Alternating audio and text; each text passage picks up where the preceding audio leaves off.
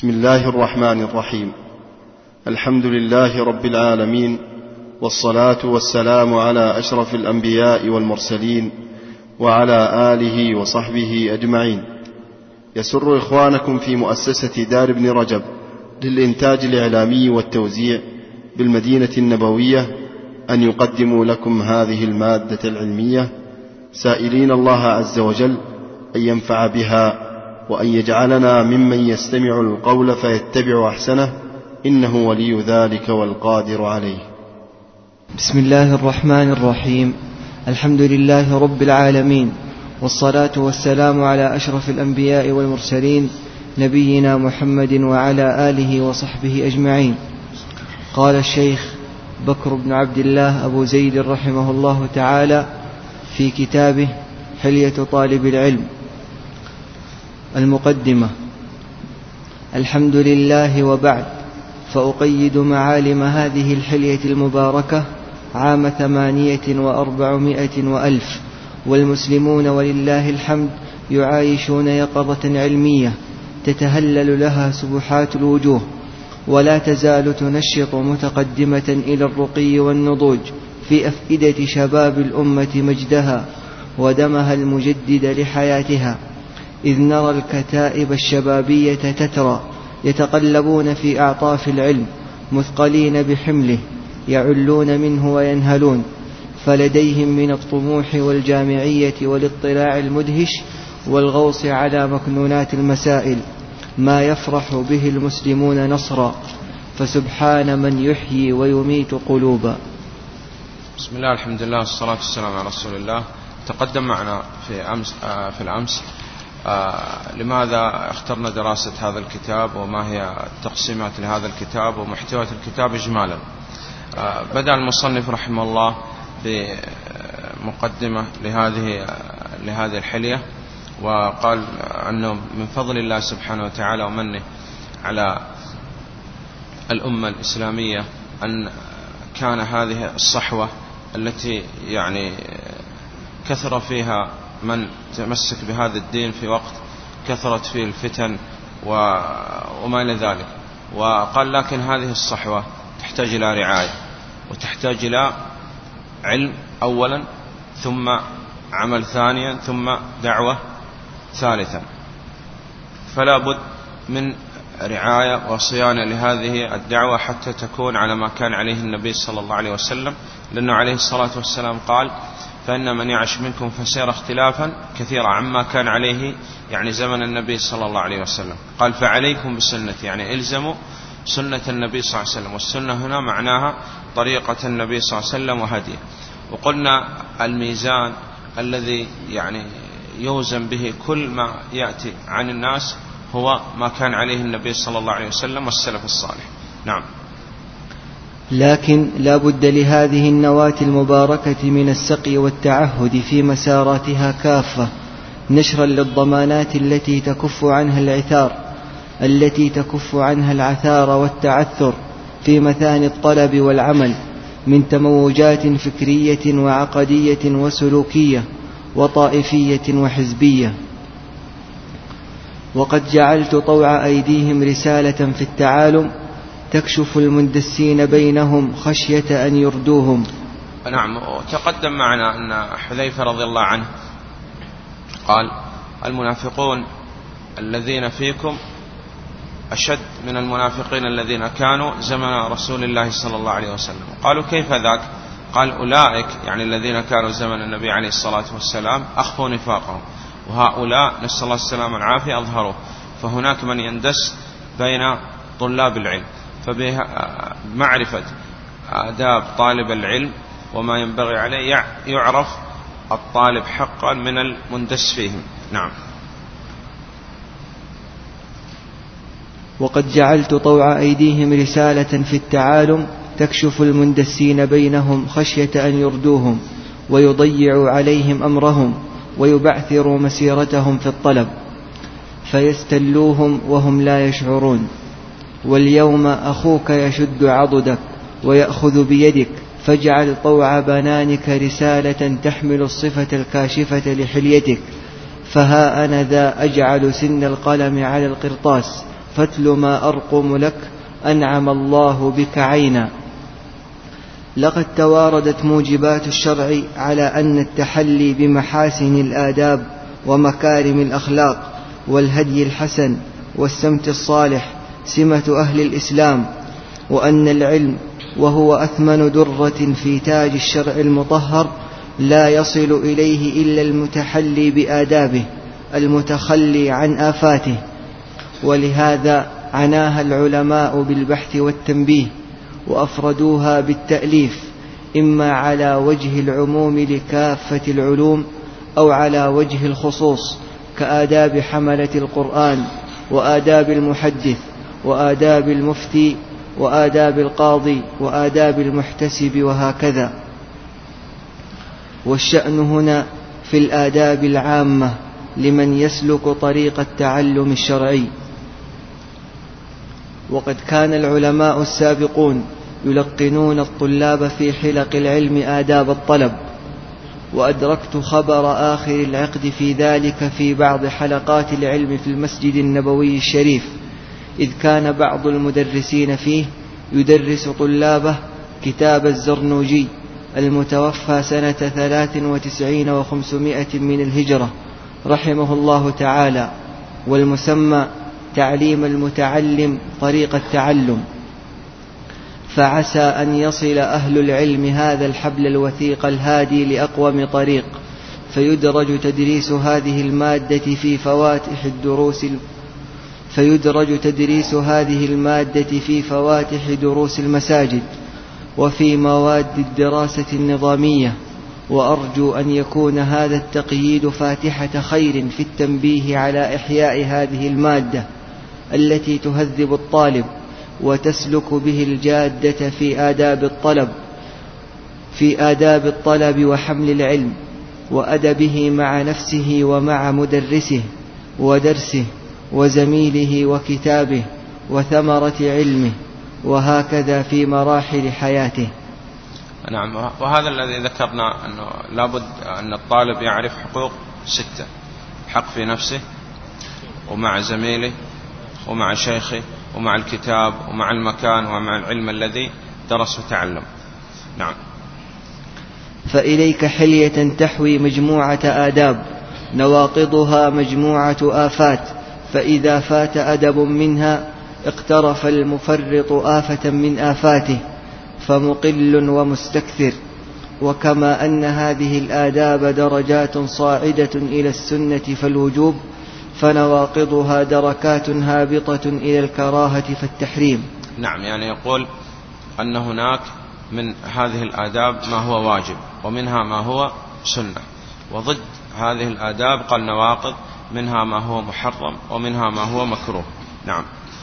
وحال السلف أنهم يعني كان إذا جاء النبي صلى الله عليه وسلم بشيء لا يسألوا هل هذا هو واجب أم سنة ويعملوا دائما. نعم.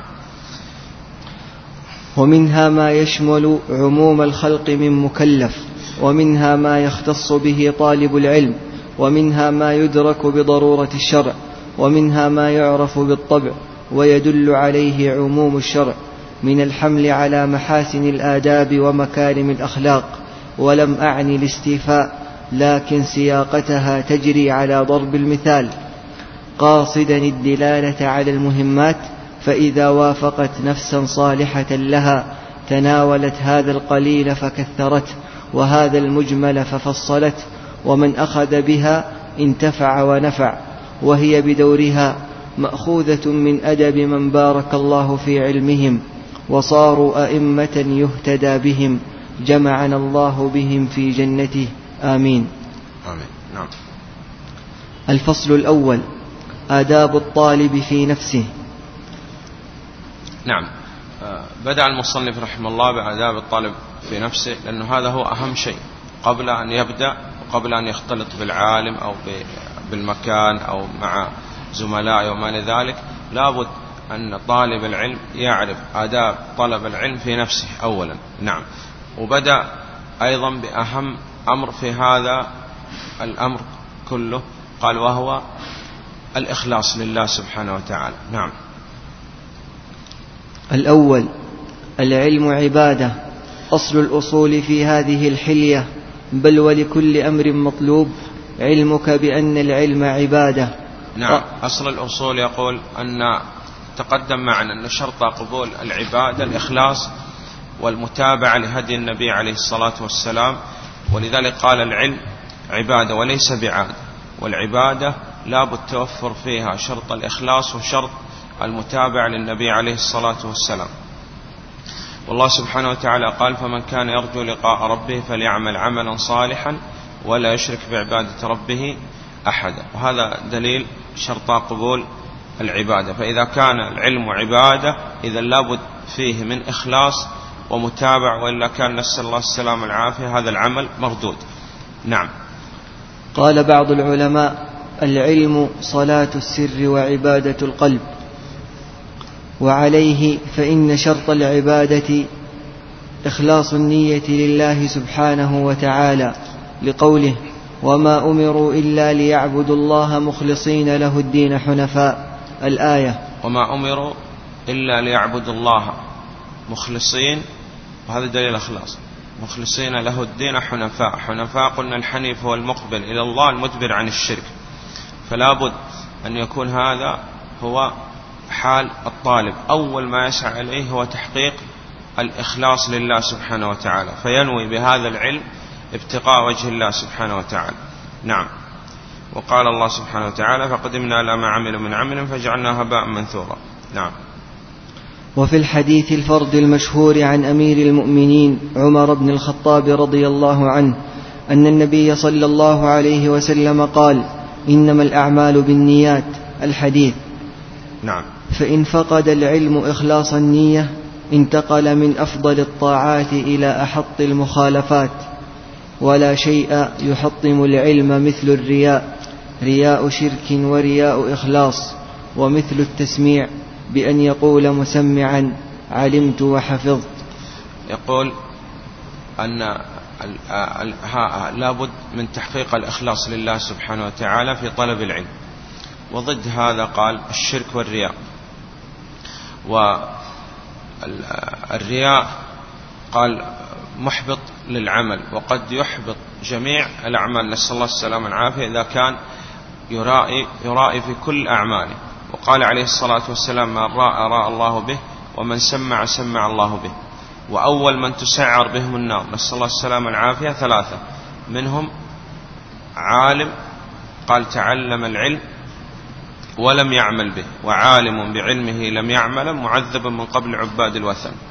روى هذا الحديث أبو هريرة رضي الله عنه ثلاثة أول من تسعر بهم النار ثلاثة فقالوا يا أبا هريرة هؤلاء أناس عند قال عندهم علم وعذبوا عندهم علم وعذبوا فبكى رضي الله عنه لأن العلم قلنا لا يعصم صاحبه من الوقوع في المعصية والذي يعصم هو الله سبحانه وتعالى إذا لابد أن تظهر الافتقار إلى الله سبحانه وتعالى وتخلص لله سبحانه وتعالى النية وبهذا يفتح الله عليك. ويعني بعض الطلاب يقول يسأل يعني ما الذي جعل مثاله؟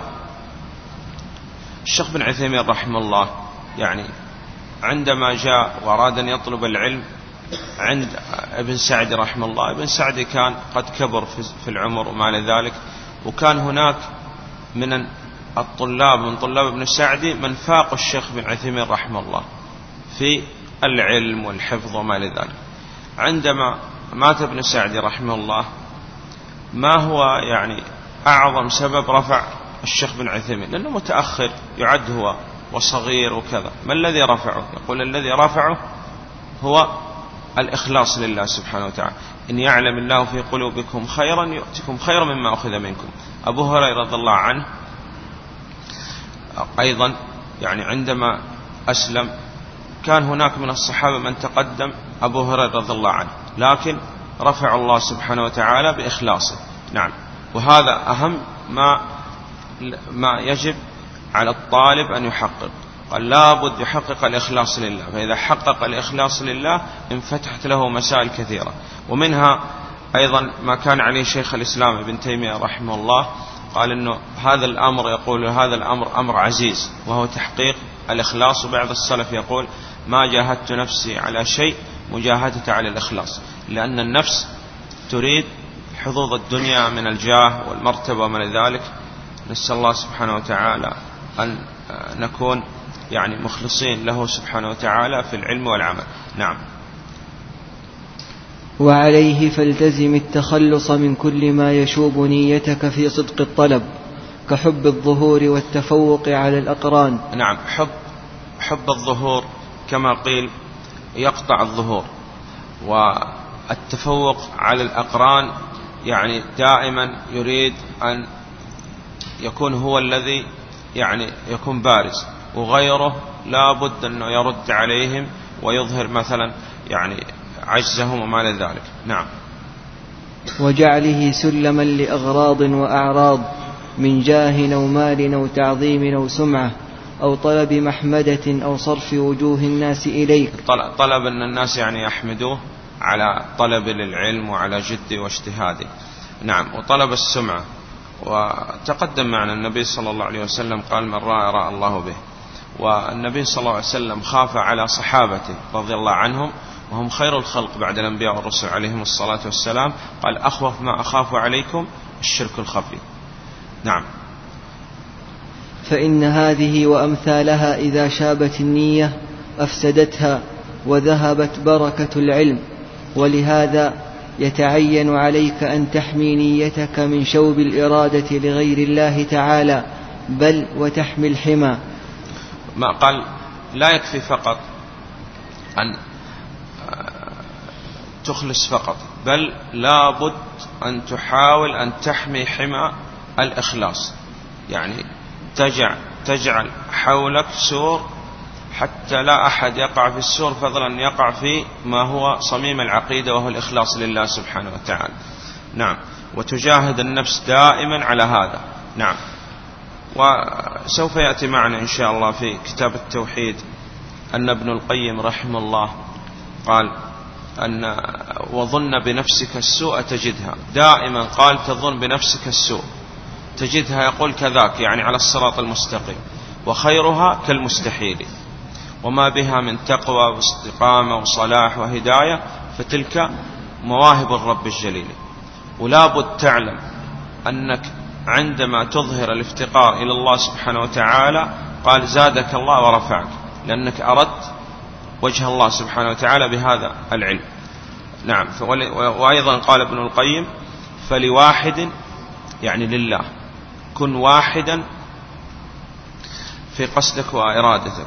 في واحد يعني في طريق ما كان عليه النبي صلى الله عليه وسلم والسلف الصالح أعني طريق الحق والإيمان. قال هذا هو الذي يعني يسير ويسلك هذا الطريق. نعم. وللعلماء في هذا أقوال وموقف بينت طرفا منها في المبحث الأول من كتاب التعالم. نعم. ويزاد عليه نهي العلماء عن الطبوليات وهي المسائل التي يراد بها الشهرة. نعم هناك مسائل قال يعني يدرسها بعض الطلاب وغيره يريد بها فقط الشهرة. ولذلك إحنا تقدم معنا أن الذي يريد أن يصل إلى ما وصل إليه العلماء لا بد أن يسير على هذا الطريق. وليس لنا نبتدع طريقة جديدة في طلبنا للعلم. فبعض الناس قال يبحث عن بعض العلوم وغيرها حتى قال يرتفع على بعض الأشخاص يقول أنا تعلمت علم المنطق والكلام وما ذلك من أجل أن أكون أفضل من مثلا يعني شيخ الإسلام أو غير ذلك. نعم. وجاء النهي عن تعلم علم الكلام. نعم والرد عليه. نعم. وقد قيل زلة العالم مضروب لها الطبل. نعم. وعن سفيان رحمه الله تعالى أنه قال كنت أوتيت فهم القرآن فلما قبلت الصرة سلبته. أي يعني عندما قبل بعض الأموال من بعض السلاطين وما ذلك. وفيه قال أن السلف كان يعني يأمر بالزهد والقناعة وعدم أخذ أموال السلطان. قال لأن كان في الغالب عندهم أن أموال السلطان يكون فيها شيء من الحرام أو يعني يكون فيها يعني ذل هذا العالم لأنه إذا أخذ المال من السلطان معنى هذا أنه قد يوافق هذا السلطان في بعض المخالفات للشريعة. نعم. ولذلك إحنا قلنا تقدم معنا في سيرة في آه، ترجمة شيخ الإسلام ابن تيمية رحمه الله أنه قال رفض الاعطيات ولم يأخذ شيء من أحد إلا قليل مال كان يأخذه من أخيه واكتفى بهذا القدر. نعم. ولأن من كان قال ينفق عليك ويعطيك مال لابد يكون لك شيء له من المحاباة. نعم. وتقدم أيضا معنا أن الناس تحت يكونون تحت السلطان والسلاطين تحت العلماء. فإذا قال هؤلاء السلاطين أعطوا الأموال وكان فيها شيء من الحرام أو أعطوا الأموال وأصبح هؤلاء يعني بعض العلماء تبعا للسلاطين لابد أن يخالفوا ويداهنوا هؤلاء السلاطين ويقدموا طاعتهم على طاعة الله. وسوف يأتي معنا النبي صلى الله عليه وسلم قال من التمس رضا الله بسخط الناس رضي الله عنه وأرضى عنه الناس. ومن التمس قال رضا الناس بسخط الله سخط الله عليه وأسخط عليه الناس. كان الجزاء من جنس العمل. نعم. لكن إن كان هذا المال قال يأخذ من السلطان بحق ولا يداهم في دين الله أحد قال هذا الأمر جائز ولا إشكال فيه. نعم. فاستمسك رحمك الله تعالى بالعروة الوثقى العاصمة من هذه الشوائب بأن تكون مع بذل الجهد في الإخلاص شديد الخوف من نواقضه عظيم الافتقار والالتجاء إليه سبحانه. نعم وهذا تقدم معنا في كتاب التوحيد أن الموحد يكون دائما بين الخوف والرجاء ولا بد يخاف. على نفسه. وإذا خاف النبي صلى الله عليه وسلم على صحابته إذا نحن من باب أولى. نعم. ويؤثر عن سفيان بن سعيد الثوري رحمه الله تعالى قوله ما عالجت شيئا أشد علي من نيتي. نعم. لأن يقول أن الإخلاص أمر عزيز. نعم. والنفس دائم. دائما تريد حظوظ الدنيا. نعم. من جاه ومنصب وما ذلك. وعن عمر بن ذر أنه قال لوالده يا أبي ما لك إذا وعظت الناس أخذهم البكاء وإذا وعظهم غيرك لا يبكون. فقال يا بني ليست النائحة الثكلى مثل النائحة المستأجرة. يعني الثكلى هي التي فقدت ولدها كالنائحة المستأجرة لأن النائحة المستأجرة تبكي بقدر ما تأخذ من أموال والنياحة سوف يأتي معنا أنه أنها من الكبائر. بل قد تصل إلى أن تكون نوع من أنواع الشرك. نسأل الله السلامة والعافية. فلكن هذا الكلام لا يعني أنه يعني يريد مدح الناس وما لذلك ويدخل تحت قوله سبحانه وتعالى فلا تزكوا أنفسهم قال لا. أراد أن يبين أن العالم الذي يستفيد منه الناس هو الذي يكون مخلص لله سبحانه وتعالى. ولذلك أنت تسمع بعض العلماء له يعني آه، سنين وهو يدرس الطلاب ومن ذلك لكن لا تجد له أي ثمرة. وتجد بعض الناس أتى الله سبحانه وتعالى إخلاص وفقه وسير على طريقة السلف وانتفعت الأمة به. وتجد الثمرة كثيرة جدا. وهذا هو دليل على الإخلاص. وتقدم معنا يعني ترجمة شيخ الإسلام رحمه الله أنه يعني كان يكتب بعض المؤلفات بعد كتب الواسطية بعد العصر وفرغ منها قبل المغرب وانتفعت الأمة بهذا المؤلف بل نحن ندرس هذا الكتاب في المعهد في سنة كاملة وهو ألفه قد يكون في ساعة واحدة لماذا؟ قال هذا دليل على الإخلاص لله سبحانه وتعالى نعم. فالذي يخلص لله يبارك الله سبحانه وتعالى له في علمه وفي وقته في كل شيء. نعم. وفقك الله لرشدك آمين. آمين. نكتفي بهذا القدر وغدا نكمل إن شاء الله تعالى.